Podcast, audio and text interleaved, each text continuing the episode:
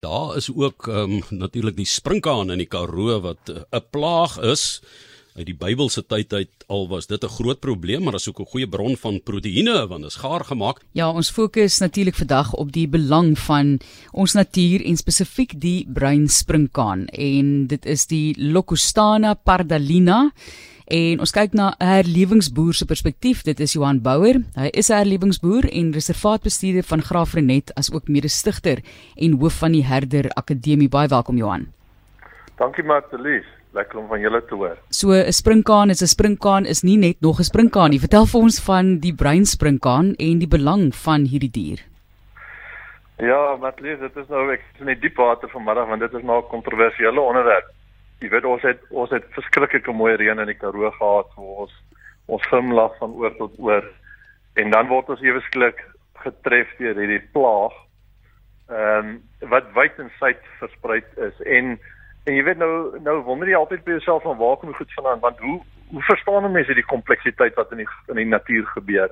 En hoekom gebeur dit? Want na al hierdie jare wat ons spuit en sprinkane probeer beheer is ons nog steeds besig om dieselfde te doen. So die vraag by ons wat opkom is is daar te veel sprinkane oor dat ons nie genoeg spuit nie? Of waarna moet mense kyk? Is daar iets anders in die natuur? Is dit 'n is dit 'n verskynsel wat wat 'n gevolg is dalk van van ons bestuur? Ons ons sal nie weet nie. Ek dink daar so min navorsing gedoen op die onderwerp. Uh ehm um, maar jy weet daar's 'n paar goed wat ons as boere moet maar raak sien in die veld. Jy weet uh, ja. ons ons ons doel is ons doel as boere in die veld om om sonlig te vat deur 'n groen plant deur fotosintese in die grond te sit en koolstof in die grond te berg. En in daai proses is of jy nou met plante boer of met diere boer, jy wil daai plant lewe so meer so meer so effektief as moontlik en so lank as moontlik hou sodat hy so lank as moontlik kan fotosinteer. En dis presies waar die sprinkane probleem in is van natuurlik na die eerste droogte, eerste reën, dan kry ons hierdie absolute uitbraak van van sprinkane en hulle vat daai eerste groei en daai fotosintese van ons plante af. So dit is baie hartseer om te sien is 'n geweldige impak vir ons in die Karoo. Ehm um, maar weer eens, ek dink ek dink as jy mens verby die ekonomiese inligting van die breinspringkaan kyk en en en net kyk wat wat is ook wat ons die laaste paar jare gesien het in die veld. Jy weet wat wat is die dinge wat ons wat wat wat wat ons mekaar vra. Ja. En en van dit is byvoorbeeld ons grootste springkaan uitbraak geweet ons nou al vind plaas na langdurige droogte en veral na die eerste reën ja, ertjies wat gelê word, lê word on onbedekte grond gelê. So so jy weet ons sê altyd by die akademie, jy weet droogte veroorsaak nie kaal grond nie. Kaal grond veroorsaak droogte.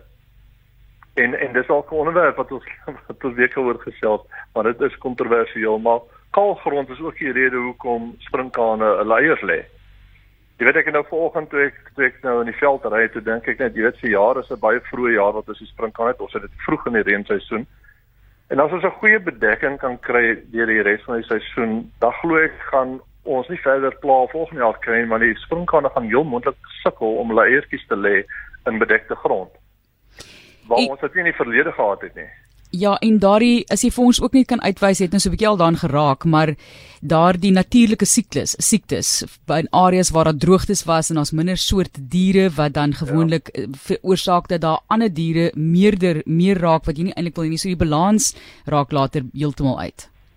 Dis reg. So wat wat 'n mens oplet na droogte is natuurlik dat jou voëls en en jou bokkies, jou aardvarke, jou jou jou veral jou tarntale, jou poue, die goed verdwyn natuurlik oor droogte. Hulle trek na ander na ander heenkomme toe. En mens kan al jy dink dat dit dalk een van die oorsake is hoekom maar 'n ontploffing na droogte is, ehm um, oor dat oor dat daar net nie natuurlike vyande vir die vir die vir die eiertjies in die grond is nie. Wat redelik vlak gelê word. So die droogte het maar sy sy impak en ek dink um, as 'n mens goeie reën kry vroeg in die seisoen soos wat ons al gehad het in die Karoo, dan hoop ons maar net vir die beste. Ons hoop maar daar daar kom 'n behoorlike bedekking uh, later in die seisoen wat hooplik die volgende uitbarsting sal sal sal bietjie in die beer. Maar uh, jy weet ons het al ons het ook al gesien dat sprinkane vreet nie normaalweg plante dood nie. Jy weet in meeste gevalle stimuleer uh sprinkane net die groei van plante. Ehm um, dit is ook interessant ek het ek het vroeër ook 'n stukkie gelees in die Sunday so is 'n webtuiste van hierdie sprinkane. Dit is baie interessant dat dit hulle noem dieselfde daar is dat daar eintlik 'n eintlik 'n stimulasie effek in die, in die in die veld. Ja. Maar dit vorm 'n geweldige belangrike deel van die diere se dieet na droogte. Wille diere ook of of net insekte ja, wat? Ja, man jong, daar's ons het nou al alles gesien. Daar's omtrent niks wat nie sprinkane eet nie. Jy weet van van meerkatte en voëls en en en muise en jy weet daar daar is daar is omtrent ons het al bokkies gesien wat dit eet. Ons ons weet die die die die dieselfde tyd wat sprinkane uitbroei is ook ook normaalweg dieselfde tyd wat wat jong jakkalsies uit die neste uitkom. Dit is hulle stapelvoedsel. Jy weet so daar's 'n geweldige ketting um, wat hierdie sprinkane in die natuur vorm. Nou natuurlik wat interessant is van hierdie huidige uit, uit, uitbraak teenoor die uitbraak wat ons in Maart maand gehad het vir jaar, is dat die huidige een ehm um, is die is die hulle uh die springkantjies bondel op mekaar. Uh in Engels praat hulle van hulle aggregate. Nou wat interessant is van die breinspring kan die klimaat bepaal of hulle aggregate by mekaar kom in swerm of nie en of hulle enkel lopend is. In Maart maand se jaar het ons 'n enkel lopende swerms gekry. Vir jaar lyk dit letterlik soos riviere wat afkom. Jy weet soos hulle uitbroei en aan mekaar klou. En dit is blykbaar ook maar 'n oorlewingsmeganisme van hulle wat baie interessant is. Ons kyk nou ook na die term mega herbivoor en dit is wat julle na verwys as 'n sprinkaan swerm en die geweldige effek wat hulle ook het. En as jy vir ons kan uitbrei oor monokulture ons praat baie oor volhoubare boerderypraktyke die effek van gekommersialiseerde boerderypraktyke wat op 'n stadium van Amerika af ook ingekom het en effek op ons eie grond se gesondheid. So dis nou 'n groot groot kwessie wat jy nou ja. nou vir ons op 'n eenvoudige manier probeer saamvat en jy praat van die Noord-Kaap, Vrystaat, ja. daai areas? Ja. Ja, jy weet, ehm um, die een ding wat ons nou ons kom uit uh, baie erge droogte en ehm um, en die die een ding wat ons besef het is hoe groter jou biodiversiteit is in jou veld, hoe, hoe groter is jou is jou vermoë om droogtes te kan mitigeer. En en dit is dieselfde met sprinkane. Sprinkane vreet nie alles nie. So hulle is nogal kieskeurige vreters. Ek het in Maart maand van jaar het ons gesien hoe hulle net droom materiaal eet, glad nie groei groen materiaal nie. Vir jaar sien ons hulle vreet al die groen materiaal met hierdie huidige uitbraak. So dit dit dit wissel maar dit wissel maar baie, maar wat mense wel besef is dat as jy as jy 'n groot diversiteit in jou in jou spesies het, jou veldspesies het, dan is jy beslis beter af as iemand wat met 'n monokultuur En natuurlik die manne met die monokulture veral in jou in jou in jou mielielande, jou graanlande noord van ons en die en die en die Lucerne lande is natuurlik hoogs hoogs uh, angstig oor die sprinkane wat in die Karoo een van die dae gaan begin vlerk te kry en dan nou op beweeg na hulle toe. So so jy weet dit is 'n dit is 'n werklike uh uh uh uh kan ek sê dit bedreiging natuurlik vir boere. Ehm um, En die, die maklikste stadium om die sprinkane te beheer is nou terwyl hulle nog in 'n verkeerde stadium is waar hulle regtig bymekaar is. So die impak wat chemiese middels op 'n kleiner area het is dan nou natuurlik baie minder as wat hulle sou wees as dit swerms is. So jy weet een ding wat wat wat mense verstandig te bowe gaan is na al die jare kon hulle nog nie omgewingsvriendelike produk op die mark sit om hulle, om ongelukkig die sprinkane te bestry nie. En ek dink daar's nog heel wat navorsing wat moet gedoen word in die veld en ek en ek jy weet ek is seker dat as ons net kyk na behoedende metodes en ons kan ons kaal grond bedek byvoorbeeld dan gaan ons uh, baie minder probleme hê. Hmm. Natuurlike beheer of is daar iets wat daaraan gedoen kan word? Ons praat nou nie van chemiese ja. middels of spuitstowwe of sulke dinge nie, maar wat is die natuurlike vyand van 'n swerm sprinkane?